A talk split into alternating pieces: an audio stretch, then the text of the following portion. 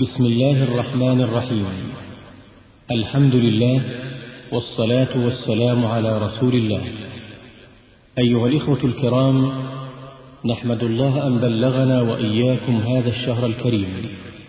وبهذه المناسبة الكريمة يسر إخوانكم في تسجيلات التقوى الإسلامية بالرياض أن يقدموا لكم ضمن سلسلة المختارات الرمضانية لهذا العام 1416 هجرية عددا من الموضوعات حول هذا الشهر الكريم الذي نسأل الله أن يبلغنا إياه أعواما عديدة.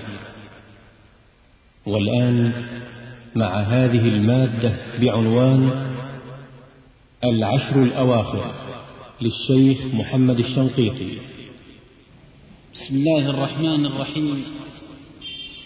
إن الحمد لله نحمده ونستعينه ونستغفره ونعوذ بالله من شرور أنفسنا ومن سيئات أعمالنا.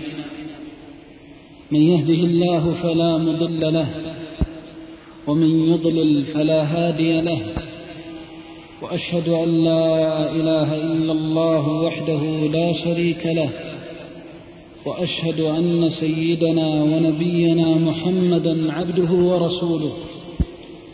أرسله بين يدي الساعة بشيرا ونذيرا وداعيا إلى الله بإذنه وسراجا منيرا. صلى الله عليه وعلى آله وصحبه وسلم تسليما كثيرا. أما بعد فالسلام عليكم ورحمة الله وبركاته. إخواني في الله هذه كلمات وصية للمعتكفين والمعتكفات وزاد للقائمين والقائمات إلى الذين هجروا بيوتهم لبيوت الله. وأقبلوا على محبة الله ومرضات الله. تراهم ركعا سجدا يبتغون من فضل الله. فسبحان من أخشع قلوبهم فسبحان من أخشع تلك القلوب وكساها ذلة وانكسارا. وسبحان من أبكى تلك العيون من خشيته فسحت بدموعها عشية وأسحارا. رفعتا كفها إلى الله أن يرزقها جنة وأن يحجب عنها نارا. وأن لا يفضحها يوم العرض عليه بين الخلائق فيكسها ذلة وخزيا وعارا. سبحان من شرح صدورهم للصالحات ووفقهم لعمارة الأوقات بالطاعات. سبحان من وفقهم لمحبته وزادهم من عظيم منته. فكم بينهم من تائب قبل الله توبته وكم بينهم من داع قد استجاب الله دعوته. وكم بينهم من مستقيل منيب قبل الله توبته وإنابته وأقال عثرته. وكم بينهم من مفروج من منكوب مكروب فرج الله همه وكربته. يا له من شهر كريم ويا له من رب حليم رحيم. ها هي أيامه تتابعت وها هي ساعاته الغر الكريمة على كل بر قد مضت وتلاحقت وها هو نصف, نصف الشهر قد ولى وأقبلت العشر الأواخر أقبلت العشر والله أعلم كم في جنباتها من رحمات وخيرات وبركات أقبلت العشر. والله أعلم كم فيها من خيرات وبركات ورحمات. عشر أقسم الله بها في كتابه المبين. وكانت إذا دخلت على الرسول الأمين شد مئزره وأيقظ أهله وأحيا ليله صلوات الله وسلامه عليه إلى يوم الدين. عرف حقها وقدرها فقام فيها حتى تفطرت قدماه. صلوات الله وسلامه عليه. عشر إذا, دخلت على الصالحين هجروا بيوتهم لبيوت الله وهجروا, وهجروا أهلهم إلى مساجد الله وذكر الله. عشر أحبها الله وفضلها على سائر العشر. بل فضلها على أيام كل شهر. فيها ليلة من قامها إيمانا واحتسابا. غفر الله له ما تقدم من ذنبه. من قامها إيمانا واحتسابا غفر الله له ما تقدم من ذنبه. فكم أصبح في صبيحتها عبد خرج من ذنوبه كيوم ولدته أمه. يا لها من عشر يطيب بها الذكر. يحتاج المؤمن الصالح الموفق وهو يضع أقدامه على أولها أن يستجمع الوصايا التي تذكره بحقوق الله جل وعلا وحقوق عباده.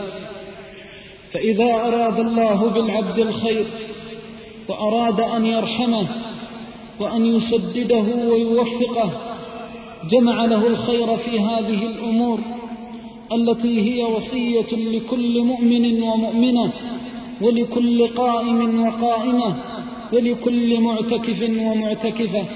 خير الوصايا وأجمعها وأشرفها وأعلاها وأسماها الوصية بتقوى الله عز وجل.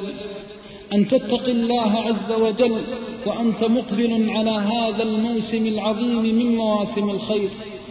ومن أعظم الخصال التي تحصل بها التقوى أن تعلم علم اليقين أن الله طيب لا يقبل إلا طيبا.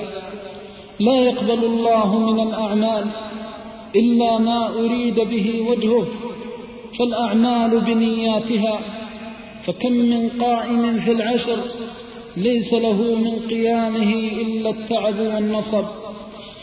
أخلص لله في الاعتكاف وادخل إلى بيوت الله وليس في قلبك إلا الله.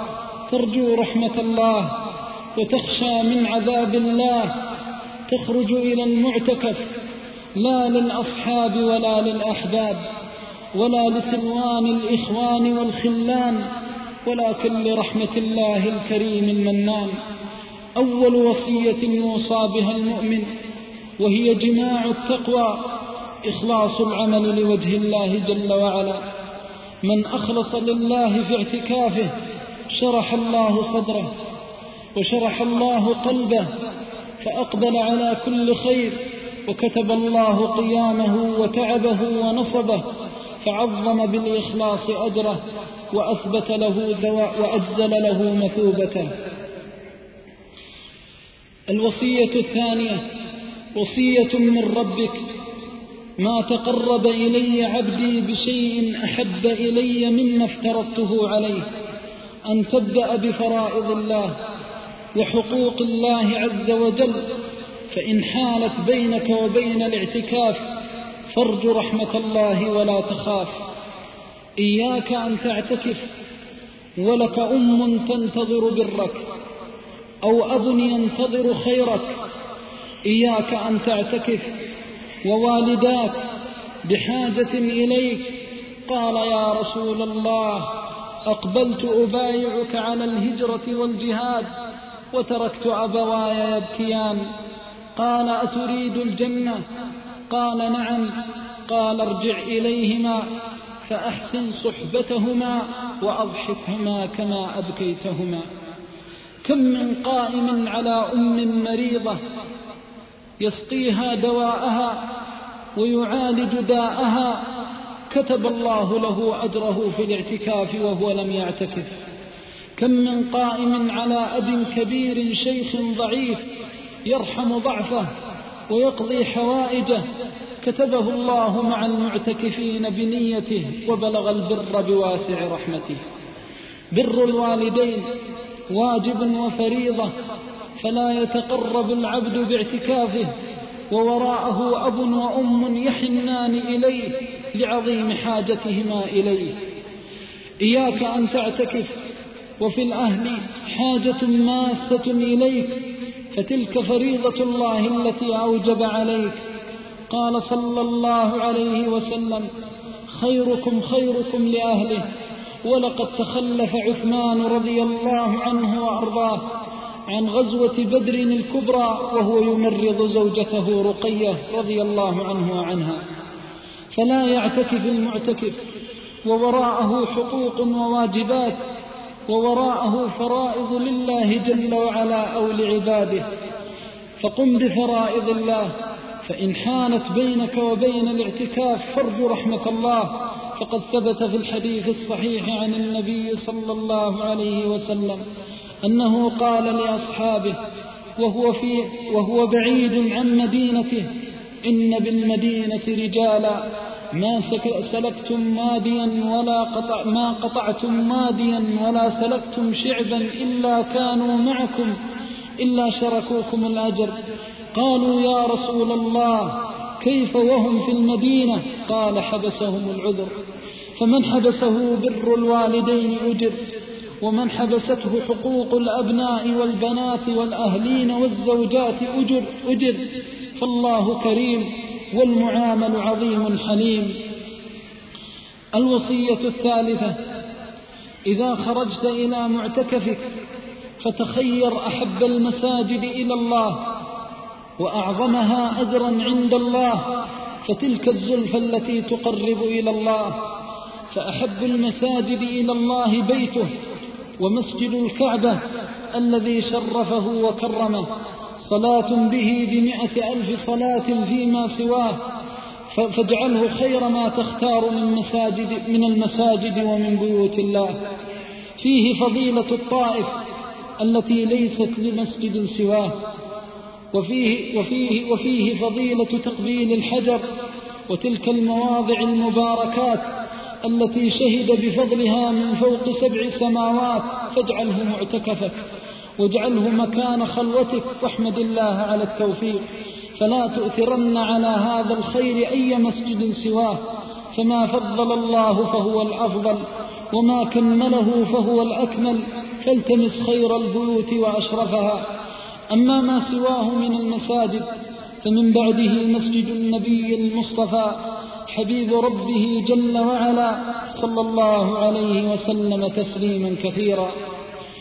ثم إذا كان الإنسان في, في بلد ليس فيه أحد هذه المساجد الثلاث فليلتمس أقدم المساجد مما تقام فيه الجمعة. ولذلك قال الله في كتابه لمسجد أسس على التقوى من أول يوم أحق أن تقوم فيه فأحق بيوت الله بالاعتكاف. ذلك المسجد الذي قدم عهده وهو أفضل المساجد بالنسبة لما بعده بل هو أحق أن يقوم فيه المعتكف. والتمس مسجدا تقام فيه الجمعة والجماعات فإن ذلك واجب من الواجبات إذا كان الإنسان يريد أن يعتكف العشر بكمالها. أما الوصية الرابعة فوصية ببيوت أذن الله أن ترفع ويذكر فيها اسمه يسبح يسبح له فيها بالغدو والآصال رجال لا تلهيهم تجارة ولا بيع عن ذكر الله. المساجد لها حقوق وبيوت الله لها حقوق وهي شعيرة من شعائر الله التي أمر الله أن تعظم وأن تجل وأن تكرم وإجلالها وإكرامها دليل على خوف العبد من ربه وخشيته لله خالقه وطمعه في عظيم رحمته. إجلال بيوت الله من إجلال الله فإذا دخلت بيوت الله فعظم حقها وأجل شأنها واتق الله عز وجل في حرمتها فكم أذهبت تلك الحرمة من حسنات وكم أوجبت لمن انتهكها من ذنوب وخطيئات وسيئات. لا تسبن فيها مسلما ولا تشتمن فيها قائما ولا تغتاب فيها ولا تلمز فيها.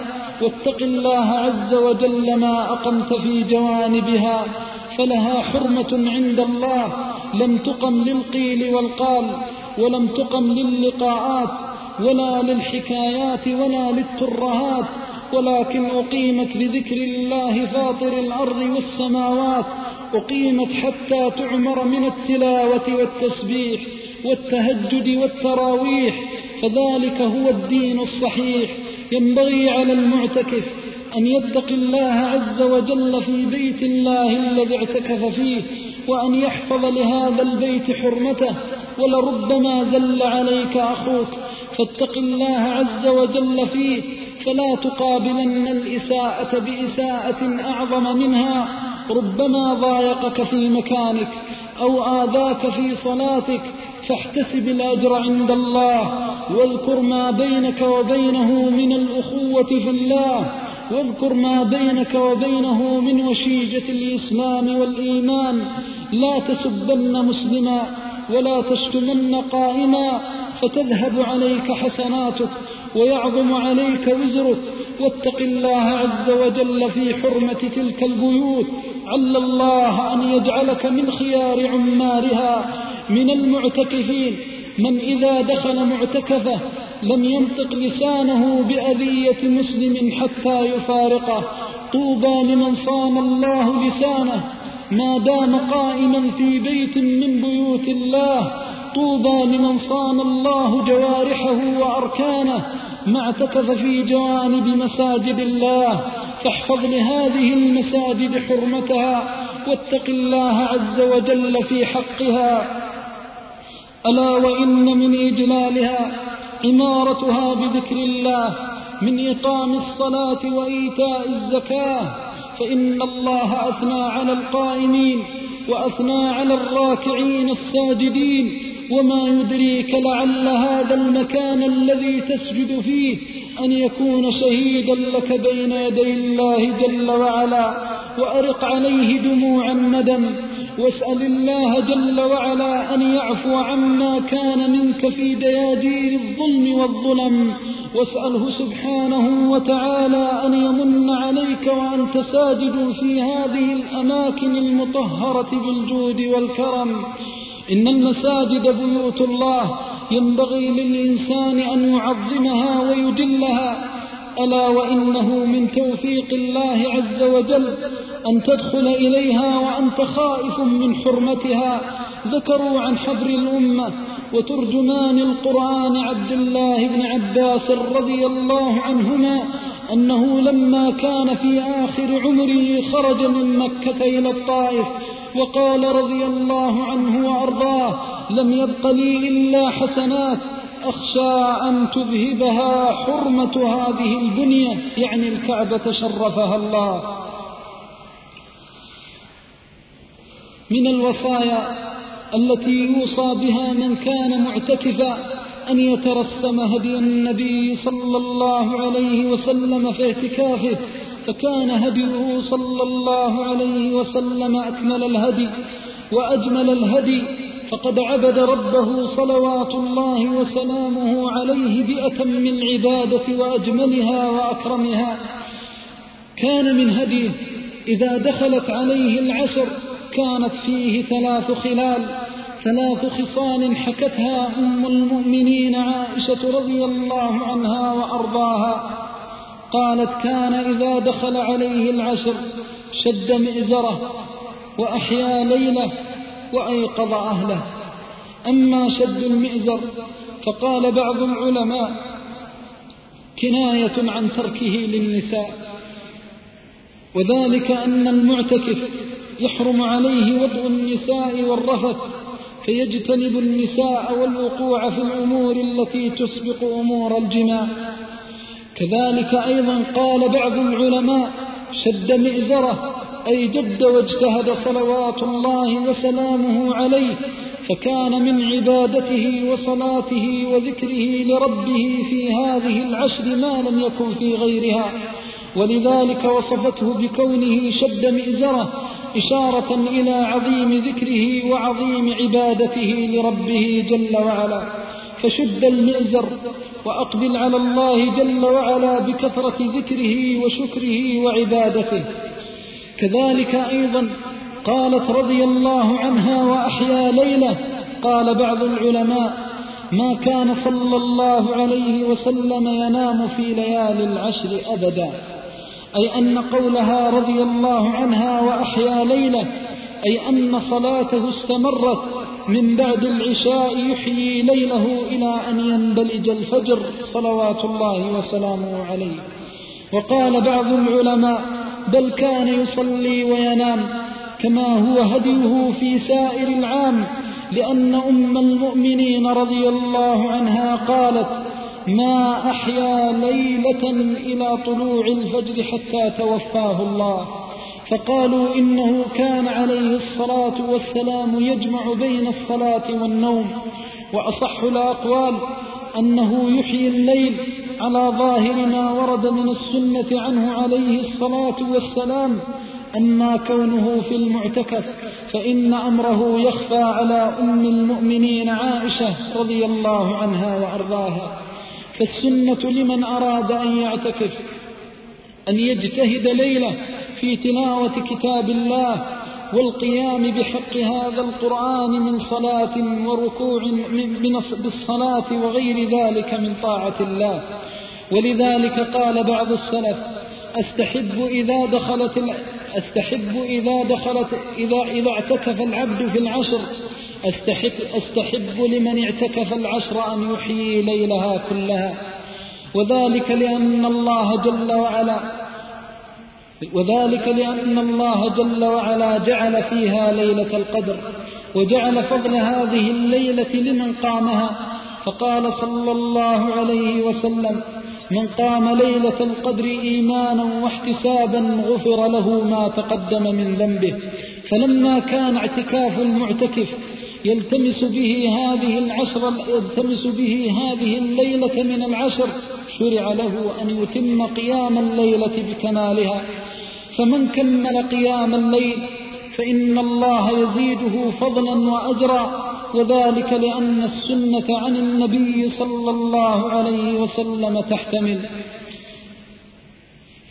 الاعتكاف أيها الأحبة في الله الاعتكاف في بيوت الله مدرسة للعابدين ومدرسة الخاشعين ومدرسة القانتين فإذا أراد الإنسان أن يعتكف فليتمم اعتكافه بالجد والاجتهاد والإقبال على الله عز وجل بصدق وعزيمة.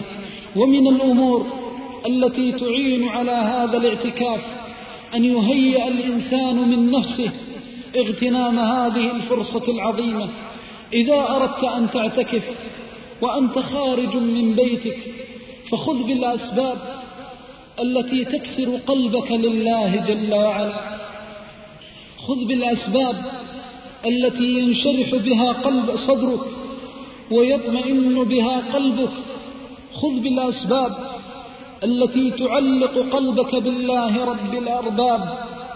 إذا خرجت من بيتك فاحمد الله جل وعلا أولا وآخرا. أن الله وهبك صحة وعافية تستعين بها على طاعته ومرضاته. وقل الحمد لله على التوفيق والحمد لله على نعمته. فإن شكرت نعمة الله على العافية زادك. فإذا خرجت فاخرج وليس في قلبك إلا الله. ترجو رحمة الله على نور من الله. تخشى عذاب الله ولقاء الله. تخرج وليس في قلبك صديق أو رفيق أو صاحب أو حبيب أو خل أو أخ وليس في قلبك إلا الله حتى إذا خرجت من بيتك أحسست أن عليك ذنوبا كثيرة وأن عليك أوزارا عظيمة وأن منك عيوبا جليلة فأقبلت على بيت الله جل وعلا وأنت أشد ما تكون افتقارا إلى رحمته.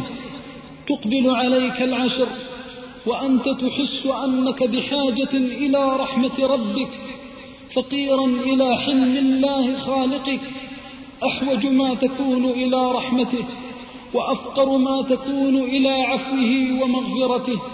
حتى إذا دخلت بيته المبارك أثنيت على الله بما هو أهله.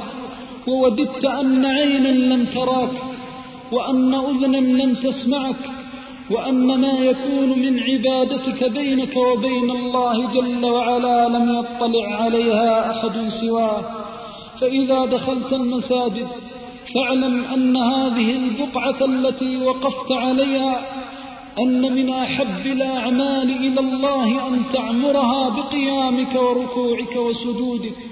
فأكثر عليها من طاعة الله وذكر الله فليأتين عليها يوم بين يدي الله تشهد لك بما كان منك من صالح القول والعمل. وليأتين عليها يوم بين يدي الله تشهد لله أنك ركعت عليها وأنك سجدت عليها وأن دمعتك قد أصابت شغافها. إذا قمت في ذلك المكان فاعمره بذكر الكريم الرحمن فإن الله يحب منك أن تذكره على أرضه فتعمر هذه البقعة بذكره وشكره ما استطعت إلى ذلك سبيلا. وإن, وإن, است وإن, قام, وإن قام الإمام لقناء قيامه وإن قام الإمام إلى صلاته فكن مع المؤمنين وكن مع القائمين فإن الرحمة تحيط بهم من ورائهم ودعوة المسلمين تحيط بهم من ورائهم. فقم مع القائمين واجعل في نفسك واجعل في نفسك افتقارا إلى رحمة ربك. وقل رب أسألك أن تجعل قيامي خير قيام وأسألك أن تجعل مقامي بين يديك خير المقام. أسألك إخلاصا لوجهك وخشوعا بين يديك فإذا سمعت آياته فأصغ إليها وأحضر لها قلبك واستجمع لها فؤادك واعلم أن الله يسمعك ويراك فأظهر لله جل وعلا ما استطعت من الخشوع والبس لباس الذلة بين يديه والخضوع فإنه يحب الخاشعين ويحب الخاضعين. فما ذل عبد بين يديه إلا أعزه ولا افتقر إليه عبد إلا أغناه. نسأل الله العظيم من واسع رحمته الاعتكاف صبر وجلد وجد واجتهاد في طاعة الله رب العباد. فاجتهد في ذكر الله.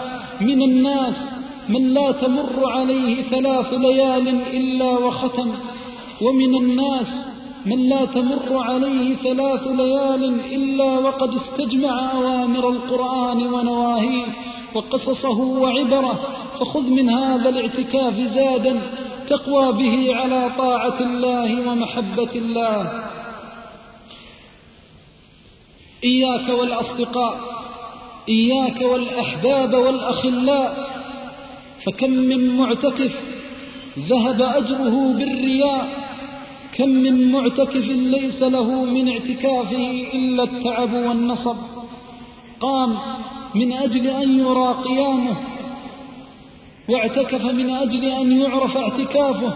فالله الله في عبادة الله ولو جلس في بيته لكان خيرا له من محاربة ربه. الرياء ذنب عظيم ووزر كبير وجسيم يوجب سخط الله للعبد.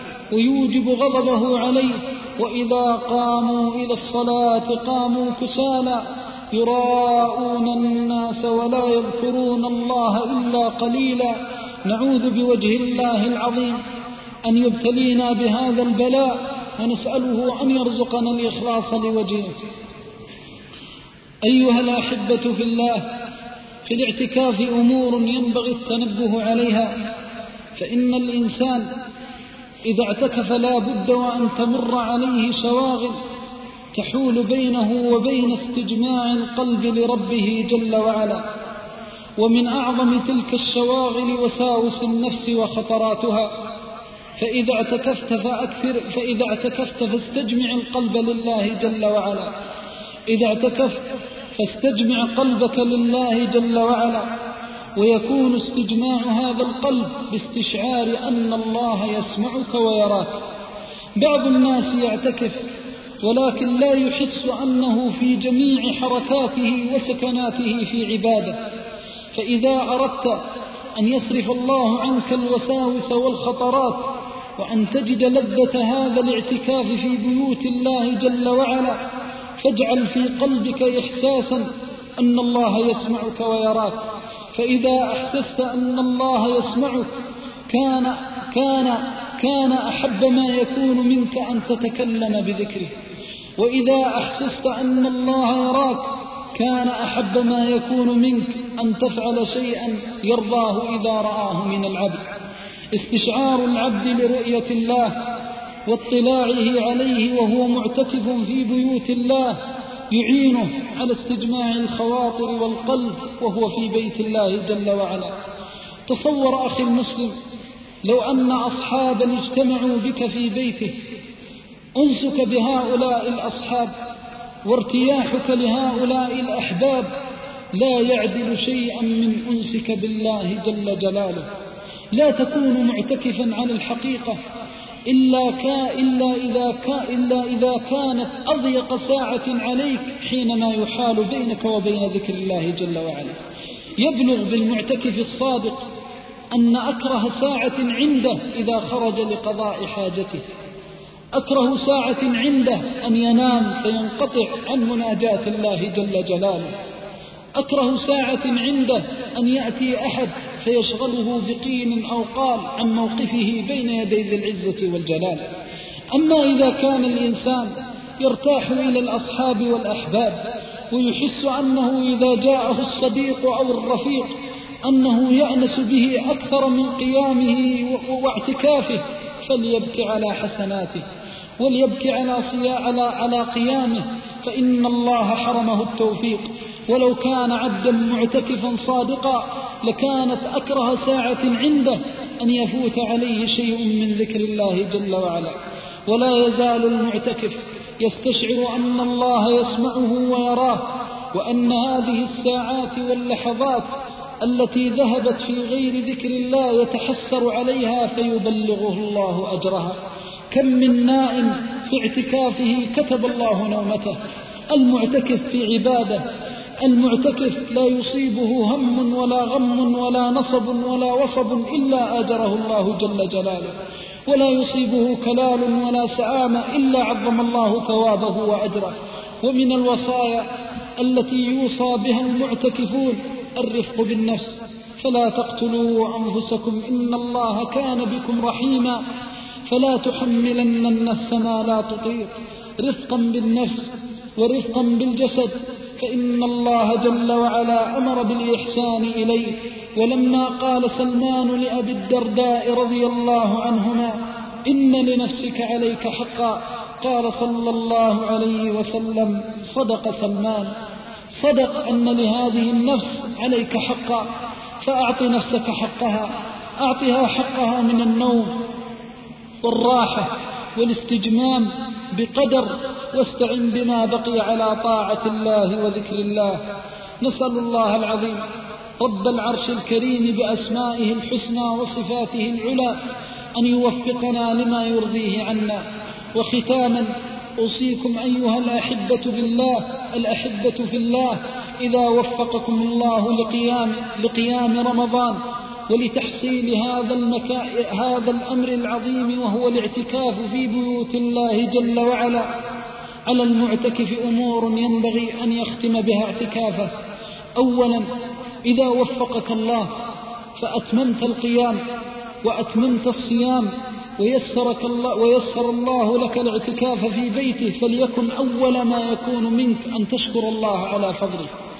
فإن الله إذا سمع منك الشكر على طاعة وفقك لها أعانك على ما بعدها. والشكر تستزاد به النعم ويبارك, ويبارك الله جل وعلا فيه للعبد فيما وهبه. فاشكر الله عل الله أن يوفقك بعد اعتكافك بذلك الشكر. الوصية الثانية الاعتكاف عبادة بينك وبين الله جل وعلا. لا يعلم أحد هل الله تقبلها أو لم يتقبلها.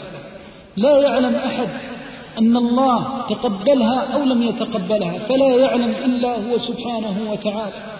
فإذا أردت أن تخرج من المسجد فاضرع إلى الله جل وعلا ألا يجعلك من الخائبين وألا يجعلك من المحرومين وقل أعوذ بك أن يحول ذنبي بيني وبين رحمتك.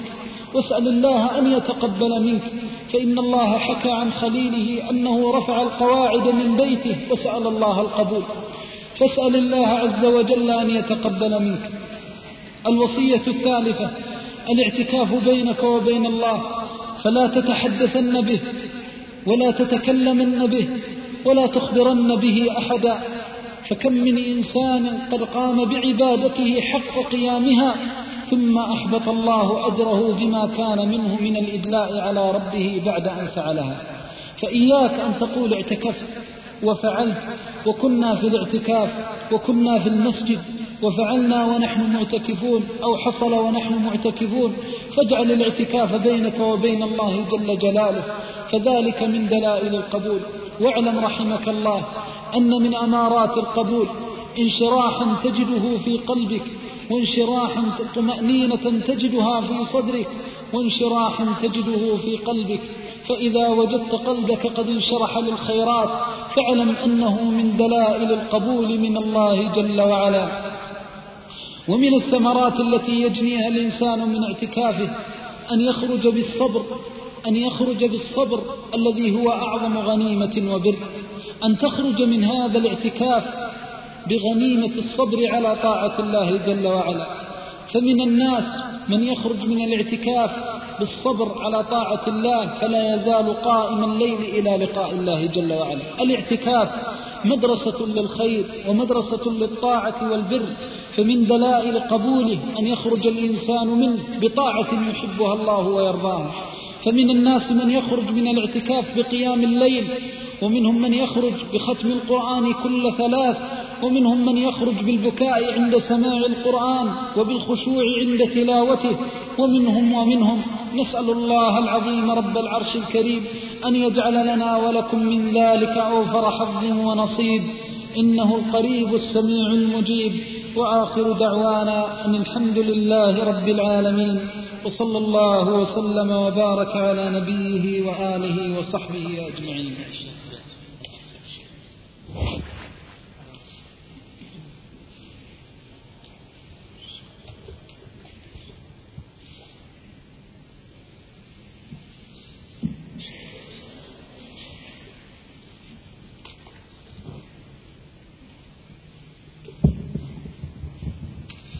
جزا الله فضيلة الشيخ خير الجزاء على ما أتحفنا به من هذه الوصايا القيمة. أسأل الله رب العرش العظيم أن يوفقه ويجعله في ميزان حسناته. أسئلة وردت كثيرة ونختار منها. فضيلة الشيخ هذا سائل يقول فضيلة الشيخ حفظه الله تعالى. ما حكم الاتصال الضروري للمعتكف وكذلك الذهاب للأكل وتغسيل الملابس بالمغاسل المجاورة للحرم إذا لم يكن هناك من يأتي بها للمعتكف وجزاكم الله خيرا. بسم الله الحمد لله والصلاة والسلام على رسول الله وعلى آله وصحبه ومن والاه. أما بعد فحقيقة الاعتكاف أن يلزم الإنسان بيت الله جل وعلا ولا يخرج منه إلا من ضرورة وحاجة. فإن الله عز وجل عبر عنه بهذا اللفظ وأنتم عاكفون في المساجد. فالاعتكاف وقال والعاكفين فالمراد بقول في مادة عكف اللزوم للشيء وعدم مفارقته. وكذلك كان هدي النبي صلى الله عليه وسلم لزم مسجده واختار خيمته وبقي فيها صلوات الله وسلامه عليه حتى حتى أتم اعتكافه. وأجمع العلماء رحمهم الله على أن الاعتكاف هو لزوم المسجد بقصد القربة والطاعة لله جل وعلا على وجه مخصوص وهو الوجه المخصوص من الشخص المخصوص الذي هو أهل للاعتكاف. إذا ثبت هذا فإنه لا يخرج الإنسان إلا من ضرورة ماسة وحاجة ماسة لخروجه فإن خرج من وجود ضرورة من دون ضرورة فإنه يبطل عليه اعتكافه ويستأنف النية. فإذا احتاج الإنسان لاتصال ضروري فإنه في هذه الحالة يخرج ثم يتصل ويستأنف نيته. وأما إذا خرج لطعامه وشرابه وأمره الضروري مما يتوقف عليه حياته وكذلك يعظم بتركه ضرره كبوله وغائطه ونحو ذلك فلا حرج عليه ويرخص له بقدر الضرورة. حتى قال العلماء رحمهم الله لو كان مكان قضاء حاجته لو كان لقضاء حاجته مكانان أحدهما قريب والثاني بعيد فإنه لا يجوز له أن يذهب إلى البعيد مع وجود القريب.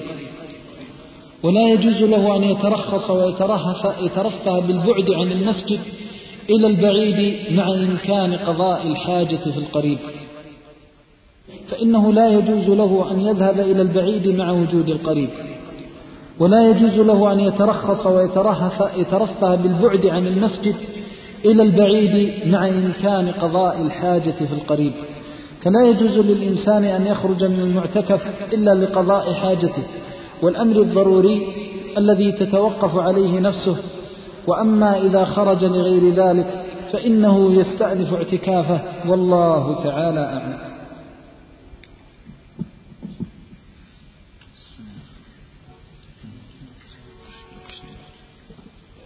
هذا سائل يقول, يقول أنا أريد أن أعتكف ولكن أخاف أن يأتي إلي رياء هل أعتكف أم لا أعتكف؟ أفتوني ماجورين جزاكم الله خيرا. خوفك من الرياء خير وهبك الله في قلبك. فاحمد الله على فضله. فإنه لا يخاف من منكرات من منكرات القلوب التي تكون فيها من الحسد والرياء والشحناء والبغضاء وغيرها من آفات القلوب إلا حيي القلب. فاحمد الله أن الله رزقك الخوف من الرياء. فإن العبد إذا خاف شيئا هابه وإذا هابه فر منه. فلذلك احمد الله أن الله رزقك الخوف من الرياء. وأما الأمر الثاني فإن كان هذا الخوف زائدا عن حده فالتزم حد الشرع الذي أمرك الله به. فإن دعاك إلى ترك الطاعات فإنه إسراف من الشيطان. فاحتسب عند الله عز وجل وقم واعتكف. فإن وجدت شيئا من الرياء فاستغفر الله إن الله كان غفورا رحيما. إذا أصابك شيء من الرياء فاستغفر الله فإنه إذا استغفر العبد كأن لم يكن منه ذنب ولم تكن منه خطيئة.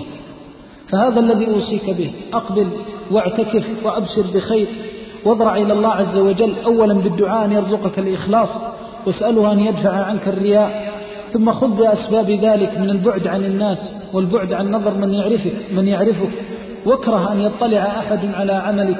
أسأل الله أن يتقبل منا ومنك. والله تعالى أعلم.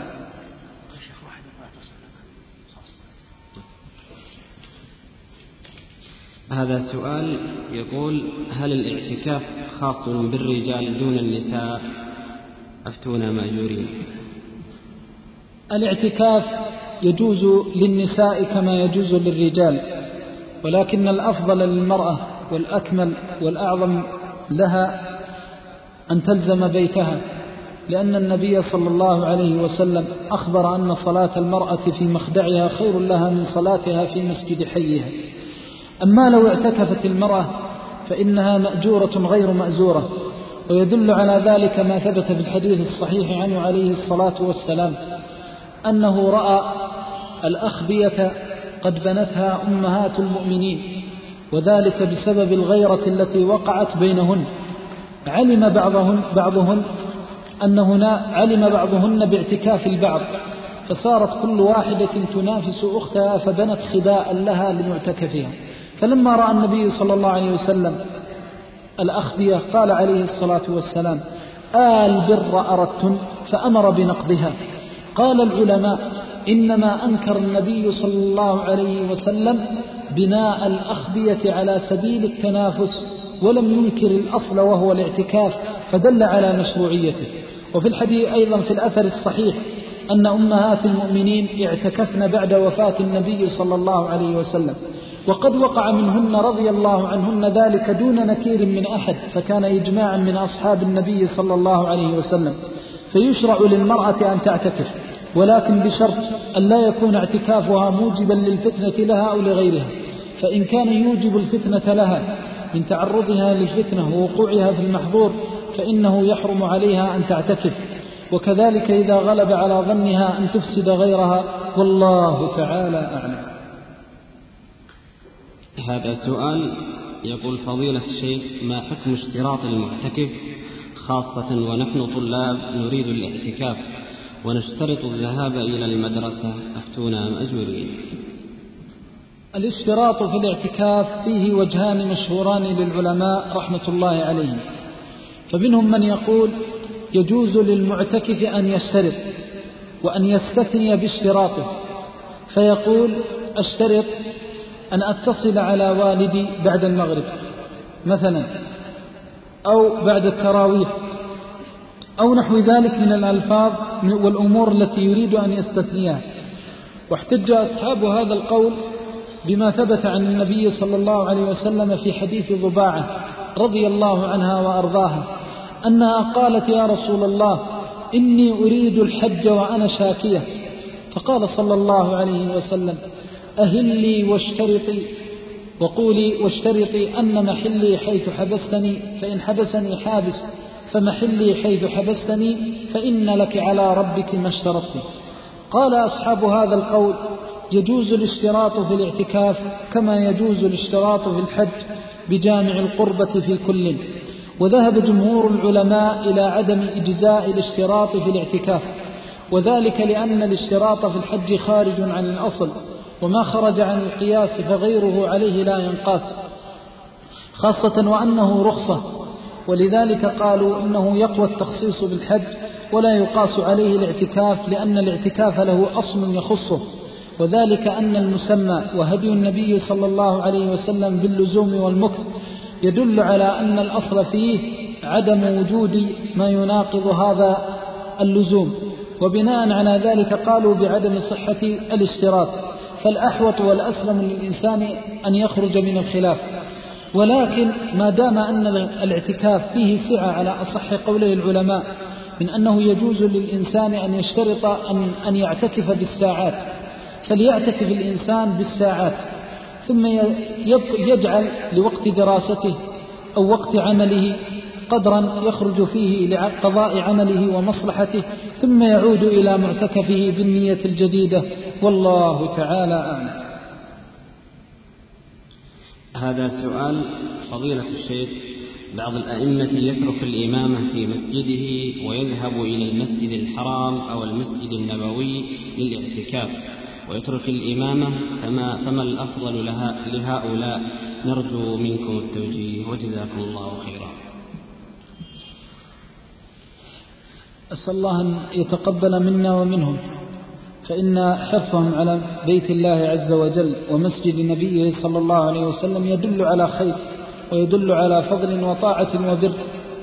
وأما مسألة الإمامة فإنها قد تعينت على الإنسان الذي التزم بها. وإذا تعينت فإنه أصبح واجبا متعلقا بالإنسان. والأصل في الواجب المتعلق بالإنسان أنه لا يتركه لفضل ونفل. ولذلك إذا استأذن مثل هؤلاء ورخص لهم وأذن لهم فهم على خير وعلى بر فليعتكفوا. وأما إذا لم يرخص لهم فليعتكفوا في مساجدهم وأجرهم كامل إن شاء الله. ويستثنى من ذلك أن يكون إمام الحي.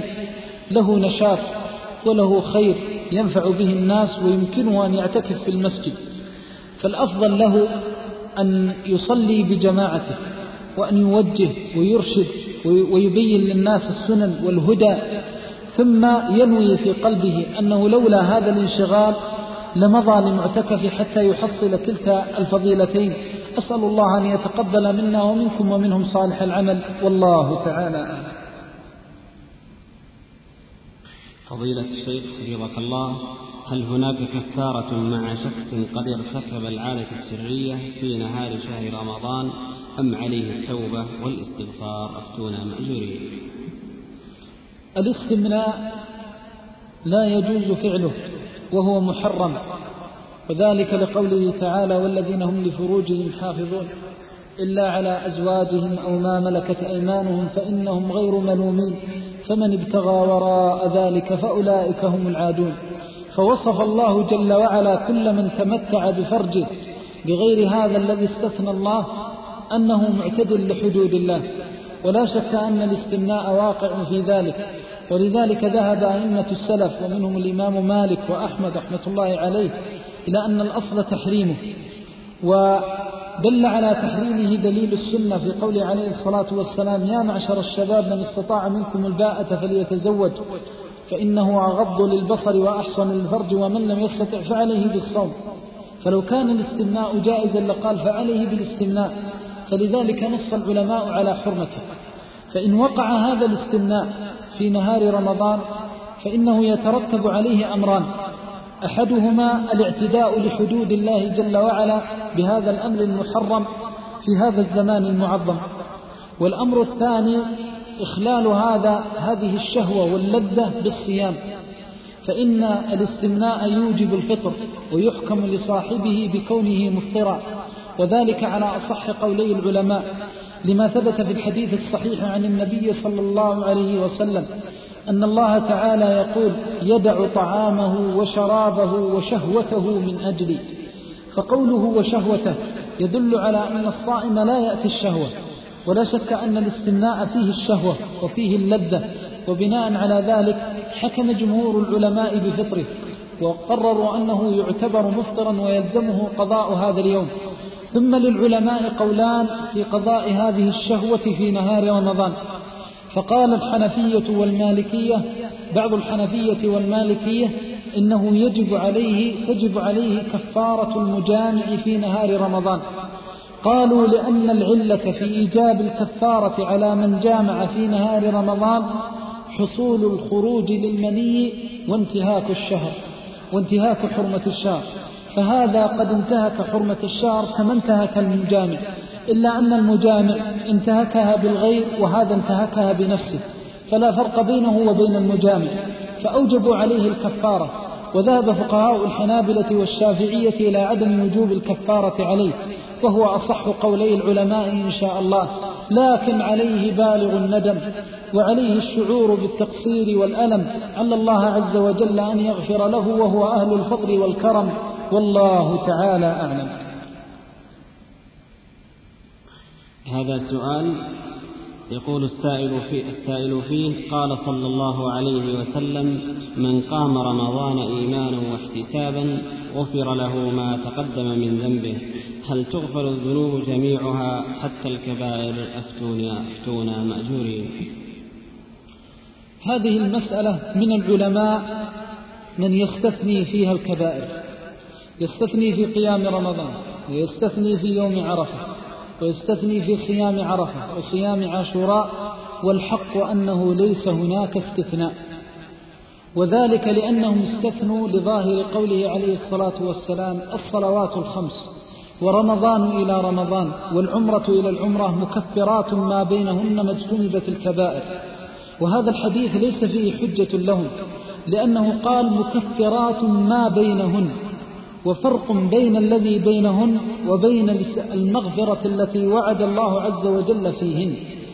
فالذي يتوب ويستغفر الله عز وجل وينيب إليه من كبائره يتوب الله عليه.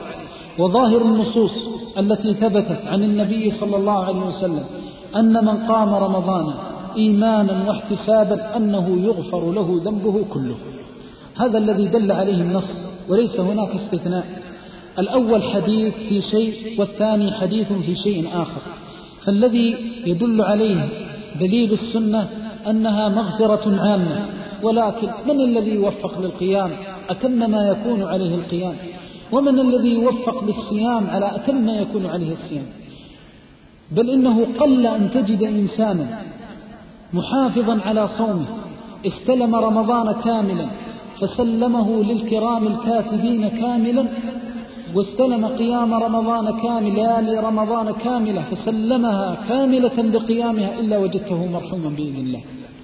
أبدا لا يكون الصيام والقيام من عبد يحتسب مؤمنا يحتسب أجره عند الله إلا غفر ذنبه. وهذا موجود بشهادة الحال والواقع يدل عليه ولكن من الذي يوفق؟ نسأل الله أن يوفقنا وإياكم لذلك وأن يجعلنا ذلك الرجل. ما من إنسان يوفق للصيام حقيقة الصيام وللقيام حقيقة القيام إلا وهو وعد بهذا الفضل العظيم. فيخرج من رمضان كيوم ولدته أمه. وفضل الله عظيم. فالذي غفر لبغي من بغايا بني إسرائيل لم تعمل خيرا حياتها بشربة ماء لكلب جدير به سبحانه وتعالى أن يغفر لمن صام لوجهه وقام ابتغاء مرضاته. كريم سبحانه وتعالى وأين ركن الإسلام أمام شربة من ماء والذي زحزح عن النار عبدا مر على غسل فزحزحه عن طريق المسلمين أهل سبحانه وتعالى أن يزحزح من صام وقام لوجهه الكريم إيمانا واحتسابا فالإنسان يرجو رحمة الله والذي دل عليه دليل السنة أن المغفرة عامة وليس هناك استثناء لكن بعض العلماء قال الحقوق التي بين العبد وبين العباد هذه يفتقر إلى سؤال الناس أن يعفو عنه. فيغفر الله له بهذه المغفرة العامة ما بينه وبين الله. مثلا إنسان سرق مالا والعياذ بالله. فإن عليه أن يتوب وعليه أن يرد المال إلى صاحبه. فإن وفقه الله لتمام الصيام والقيام فإن الله يغفر ذنبه. ولكن حق هذا المال حق صاحب هذا المال أن يرده إليه.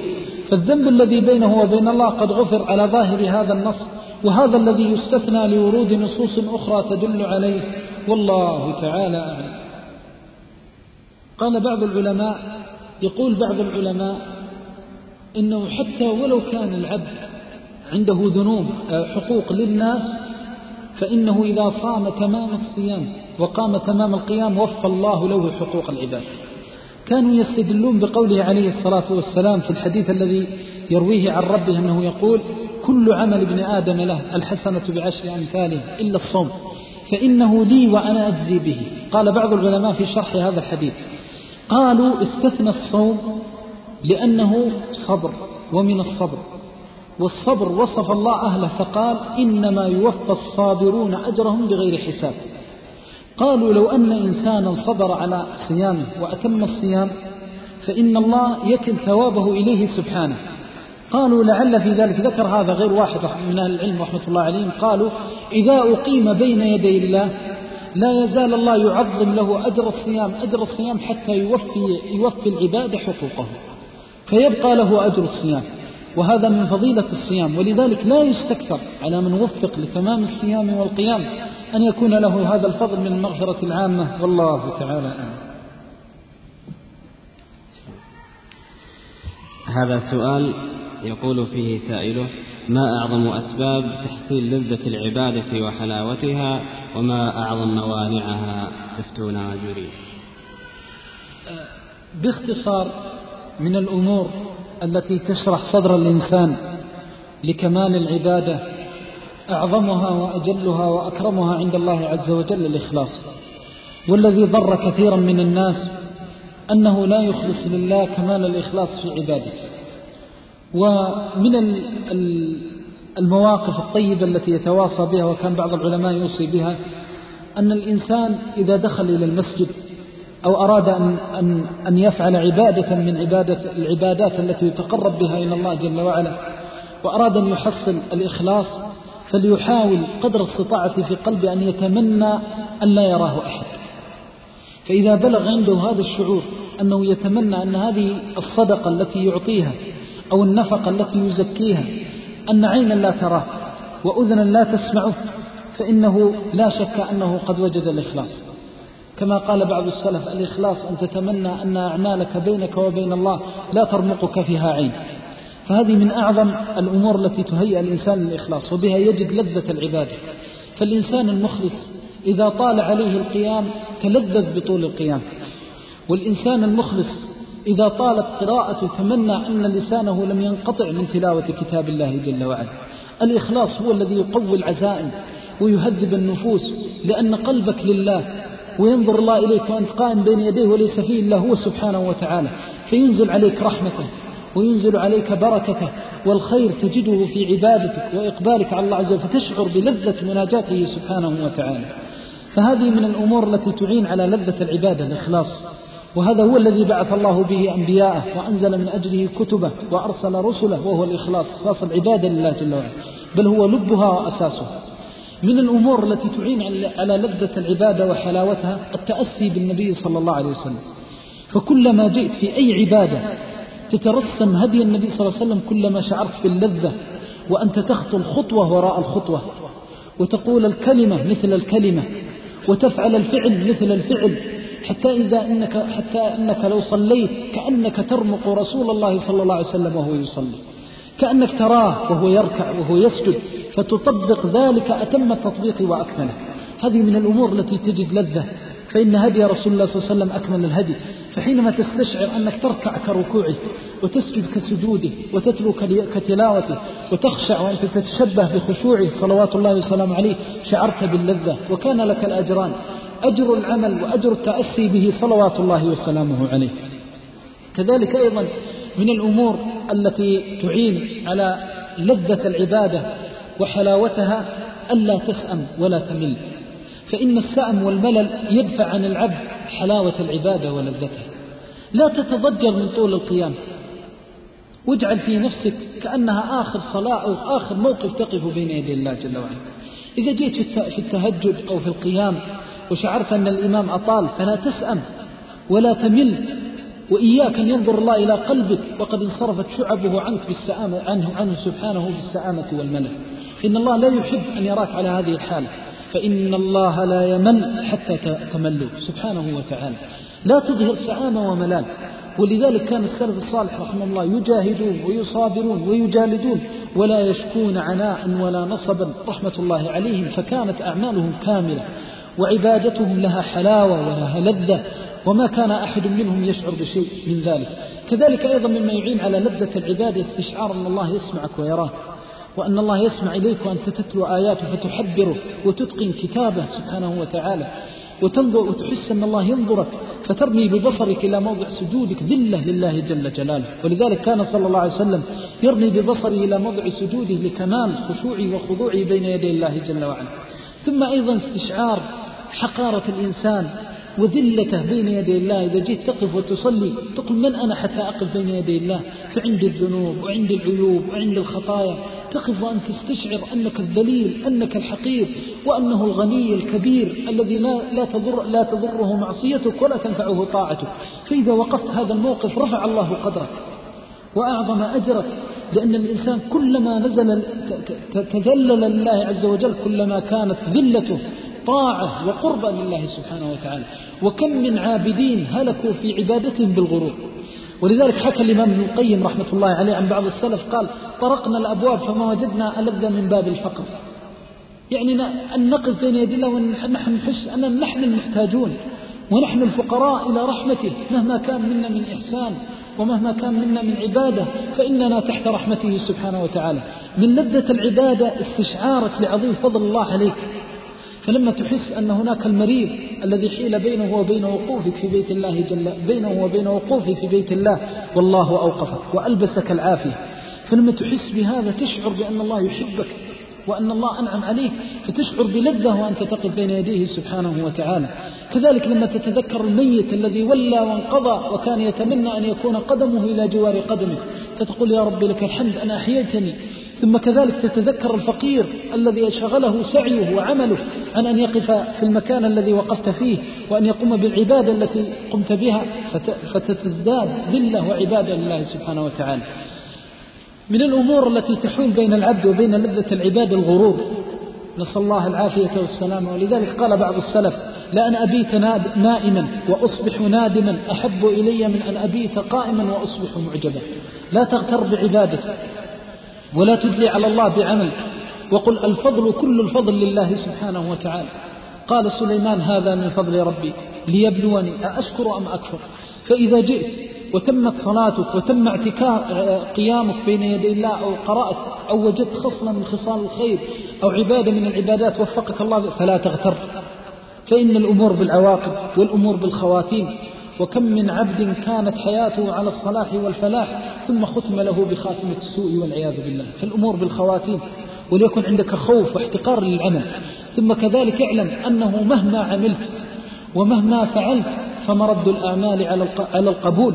والقبول غيب لا يعلمه إلا الله سبحانه وتعالى. ولا يمكن أن ينكشف للعبد أن الله قبل منه العبد قبل منه العمل. والعبادة أو لم يقبلها إلا إذا اصطكت قدمه بين يدي الله جل وعلا. فبعثر ما في القبور وحصل ما في الصدور. إن ربهم بهم يومئذ لخبير. هناك ينظر العبد هل قبل عمله أو لم يقبل. قال بعض العلماء قد آلم القلب أني جاهل مالي. عند الإله أراض هو أم قالي. وأن ذلك مخبوء إلى يوم اللقاء ومقفول عليه بأقفاله. ما يعلم المقبول إلا الله سبحانه وتعالى؟ هذه من الأمور التي تحول بين العبد وبين بين العبد وبين حلاوة العبادة الغرور. فاكسر غرورك بخوف القبول. كذلك أيضا من الأمور التي تحول بين العبد وبين حلاوة العبادة ولذتها التنطع والغلو في العبادة والزيادة فيها. ولذلك يحرم الإنسان القبول بسبب البدعة والحدث في عبادته. فتأسد النبي صلى الله عليه وسلم والتزم هديه ولا تزد. كما قال صلى الله عليه وسلم يشير إلى هذا المعنى هلك المتنطعون. فلا تحدثن في دين الله برأيك ولا تبالغ في العبادة فإن المبالغة في العبادة والخروج عن السنن وهدي النبي صلى الله عليه وسلم مهلكة للعبد والعياذ بالله. لا تبالغ في اعتكافك فقد كان صلى الله عليه وسلم تأتيه أم المؤمنين فيتحدث معها ثم يقوم ويقربها إلى بيتها صلوات الله وسلامه عليه. فدين الإسلام ليست فيه رهبانية فإن الأمور التي تحول بين العبد وبين لذة العبادة الضغط على النفس حتى تنفجر. والضغط عليها حتى تسأم وتمل فتذهب حلاوة العبادة ولذتها. فالتزم هدي النبي صلى الله عليه وسلم. وارضى بالقليل واستدم عليه. كذلك أيضا من الأمور التي تحول, تحول بين العبد وبين لذة عبادته. وتجعل الإنسان لا يجد لهذه العبادة لذة لا يجد للعبادة لذتها ولا يجد للعبادة حلاوتها. من هذه الأمور التحدث بالعبادة. فإن الإخبار بها قد يوجد حبوط العمل نسأل الله السلامة والعافية. فاجعل أعمالك سرا بينك وبين الله فلا تزال عبادتك وطاعتك حلاوتها في قلبك إلى لقاء الله جل وعلا. فإن حدثت بها لم تأمن أن تغتر ولم تأمن أن ترائي فيحبط عملك فتكون من الخاسرين. والله تعالى أعلم. هذا تنبيه لمحاضرة الغد. وهي بعنوان الأمر بالمعروف والنهي عن المنكر مسؤولية الجميع. يلقيها فضيلة الشيخ عبد الرحمن بن عبد الله آل حسين رئيس هيئة الأمر بالمعروف والنهي عن المنكر بمكة المكرمة. هذا السؤال الأخير يقول صاحبه بسم الله الرحمن الرحيم الحمد لله والصلاة على رسول الله وبعد. فضيلة الشيخ السلام عليكم ورحمة الله وبركاته. وبعد. إن المسلمين في أشد الحاجة إلى الدعاء في أكثر بقاع الأرض لما يلاقونه من إيذاء واضطهاد وتشريد وجوع. فادع لهم لعل الله سبحانه وتعالى أن يوفق لدعوة استجابة. جزاكم الله خيرا. اللهم لك الحمد لا إله إلا أنت أنت الحي القيوم فاطر السماوات والأرض. عالم الغيب والشهادة ذي الجلال والإكرام. اللهم لك الحمد كالذي ينبغي لجلال وجهك وعظيم سلطانك. اللهم لك الحمد كالذي نقول ولك الحمد خيرا مما نقول ولك الحمد كالذي تقول. عز جارك وجل ثناؤك ولا إله غيرك وتقدست أسماؤك ولا إله غيرك. اللهم إنا نسألك بأنك أنت الله لا إله إلا أنت الواحد الأحد الفرد الصمد. أن تجعل للمسلمين المضطهدين من كل هم فرجا ومن كل ضيق مخرجا ومن كل بلاء عافية. اللهم ثبت أقدامهم اللهم ثبت أقدامهم اللهم ثبت أقدامهم. اللهم قو عزائمهم اللهم قو عزائمهم. اللهم قو شوكتهم. اللهم قو شوكتهم. اللهم سدد سهامهم. اللهم سدد سهامهم. اللهم سدد سهامهم. واجعلها في نحور أعدائهم. واجعلها في نحور أعدائهم. اللهم ألف بين قلوبهم. اللهم أصلح ذات بينهم. يا ذا الجلال والإكرام. اللهم إنهم حفاة فاحملهم. اللهم إنهم جياع فأطعمهم اللهم إنهم عراة فاكسهم اللهم إنهم فقراء إلى رحمتك فأغنهم يا ذا الجلال والإكرام. اللهم عليك بأعدائك أعداء الدين اللهم شتت شملهم اللهم فرق جمعهم اللهم فرق جمعهم اللهم اجعل بأسهم بينهم اللهم اجعل بأسهم بينهم اللهم احصهم عددا اللهم اقتلهم بددا اللهم لا تغادر منهم أحدا اللهم مكروا فامكر بهم اللهم مكروا فامكر بهم اللهم اسلبهم عافيتك اللهم اسلبهم عافيتك اللهم أنزل بهم لعنتك اللهم اشدد عليهم مطأتك اللهم يتم أطفالهم اللهم رمل نساءهم اللهم اضرب ديارهم واجعلها بالزلازل والفتن وسوء المحن يا ذا الجلال والإكرام. اللهم إنهم لا يعجزونك اللهم إنهم لا يعجزونك اللهم أشغلهم عن المسلمين في أنفسهم. اللهم اشغلهم عن المسلمين في أنفسهم. اللهم اعطف قلوب عبادك على أوليائك المؤمنين. اللهم اعطف قلوب عبادك على أوليائك المؤمنين. اللهم انصر دينك وكتابك وسنة نبيك وعبادك الصالحين. اللهم انصر دينك وكتابك وسنة نبيك وعبادك الصالحين. اللهم انصر دينك وكتابك وسنة نبيك وعبادك الصالحين. اللهم اكتب لأهل هذا الدين عزا ونصرا. اللهم اكتب لمن عاداه ذلة ومهانة وقهرا. اللهم آمنا في أوطاننا وأصلح أئمتنا وولاة أمورنا ووفقهم لمعالم الخير والرشاد. وأجزهم عنا خير الجزاء في المعاد وآخر دعوانا أن الحمد لله رب العالمين وصلى الله وسلم وبارك على نبيه وآله وصحبه. أيها الإخوة انتهت مادة هذا الشريط ولأنه بقي في هذا الوجه من الشريط متسع فيسرنا إكماله بهذه المادة. يقول أحد العاملين في مراقبة الطرق السريعة فجأة سمعنا صوت ارتطام قوي فإذا سيارة مرتطمة بسيارة أخرى حادث لا يكاد يوصف. شخصان في السيارة في حالة خطيرة أخرجناهما ووضعناهما ممددين. أسرعنا لإخراج صاحب السيارة الثانية. فوجدناه فارق فوجدناه قد فارق الحياة. عدنا للشخصين فإذا هما في حال الاحتضار هب زميلي يلقنهما الشهادة. ولكن ألسنتهما ارتفعت بالغناء أرهبني الموقف وكان زميلي على عكسي يعرف أحوال الموت. أخذ يعيد عليهما الشهادة وهما مستمران في الغناء لا فائدة بدأ صوت الغناء يخفت شيئا فشيئا سكت الأول وتبعه الثاني. فقد الحياة لا حراك. يقول لم أرى في حياتي موقفا كهذا. حملناهما في السيارة. قال زميلي لي إن الإنسان يختم له إما بخير أو شر بحسب ظاهره وباطنه. قال فخفت من الموت والتعظ من الحادثة وصليت ذلك اليوم صلاة خاشعة. قال وبعد مدة حصل حادث عجيب شخص يسير بسيارته سيرا عاديا وتعطلت وتعطلت سيارته في أحد الأنفاق المؤدية إلى المدينة ترجل من سيارته لإصلاح العطل. في أحد العجلات جاءت سيارة مسرعة وارتطمت به من الخلف سقط مصابا إصابات بالغة.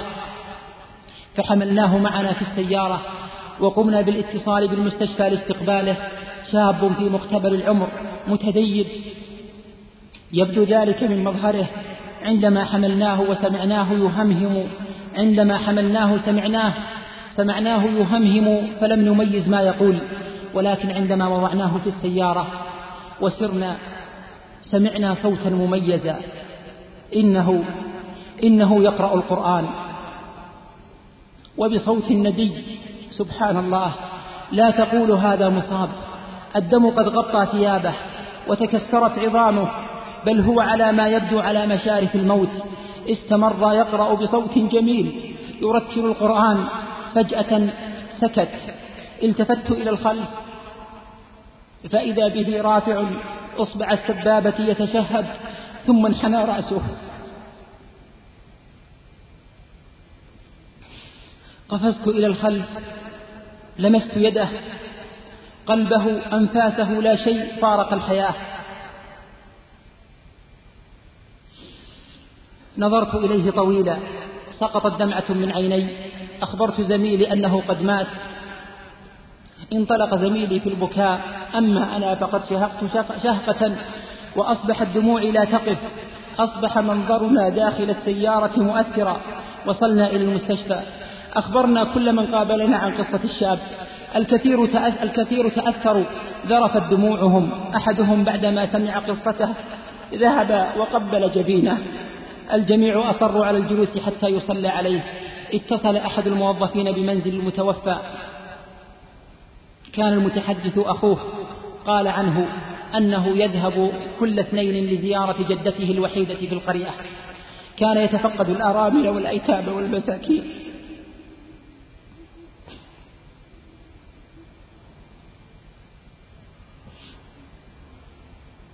كانت تلك القرية تعرفه فهو يحضر لهم الكتب والأشرطة. وكان يذهب وسيارته مملوءة بالأرز والسكر لتوزيعها على المحتاجين. حتى حلو الأطفال كان لا ينساها. وكان يرد على من يثنيه عن السفر ويذكر له طول الطريق. كان يرد عليه بقوله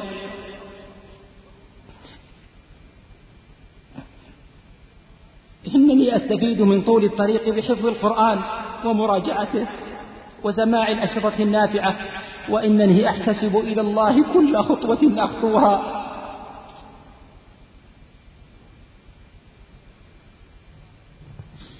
يقول ذلك العامل في مراقبة الطريق كنت أعيش مرحلة متلاطمة الأمواج تتقاذفني الحيرة في كل اتجاه بكثرة فراغي وقلة معارفي وكنت بعيدا عن الله فلما صلينا على الشاب ودفناه واستقبل أول أيام الآخرة. استقبلت أول أيام الدنيا. تبت إلى الله. عسى أن يعفو عما سلف. وأن يثبتني على طاعته. وأن يختم لي بخير. شكر الله لفضيلة الشيخ على ما قدم وجعله في موازين عمله. هذا ونود أن نذكر الإخوة المستمعين بقائمة مختارات التقوى لهذا العام 1416 هجرية وهي كما يلي. العتاق الأول شريط قرآن. كيف نستقبل رمضان؟ للشيخ سعيد بن مسفر حال السلف في رمضان؟ للشيخ عمر العيد. فتاوى وأحكام. للشيخ عبد الرحمن البراك. فضل الذكر في رمضان. للشيخ عبد الله السعد. الفائزون في رمضان للشيخ إبراهيم الدويش لماذا نخسر رمضان؟ للشيخ إبراهيم الدويش هدايا للصائمين. غزوة بدر للشيخ عبد الرحمن المحمود. تربية الأسرة من خلال شهر رمضان للشيخ عبد العزيز المغيمشي فرصة لا تعوض. للأخوين سليمان الجبيلان وصالح الحمودي وظائف المسلم في رمضان لفضيلة الشيخ محمد بن عثيمين مختارات من أحاديث رسول الله صلى الله عليه وسلم. المرأة في رمضان ندوة. شريط عن الصيام باللغة الأردية. شريط عن الصيام باللغة الأندونيسية. شريط عن الصيام باللغة البنغالية. شريط عن الصيام باللغة التاميلية. عبادة القلب.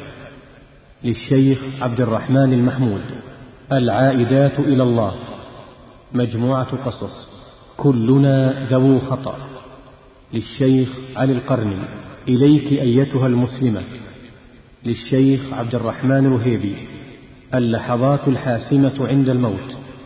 للشيخ إبراهيم الفارس. من يحول بينك وبين التوبة. للشيخ عمر العيد. ولو ترى إذ وقفوا على النار.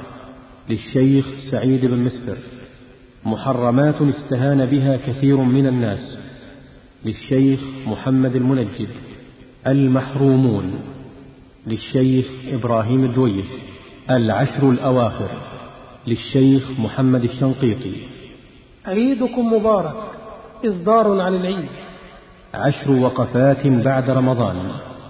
للشيخ محمد المنجد بالإضافة إلى مكتبة المنزل الصوتية وهي عبارة عن دولاب خشبي مع مسجل ومكتبة المطبخ الصوتية وهي عبارة عن دولاب خشبي مع مسجل. أيها الإخوة بموجب فهرس تسجيلات التقوى فإن رقم هذا الشريط هو أحد عشر ألفا وخمسمائة وثلاثة وستون.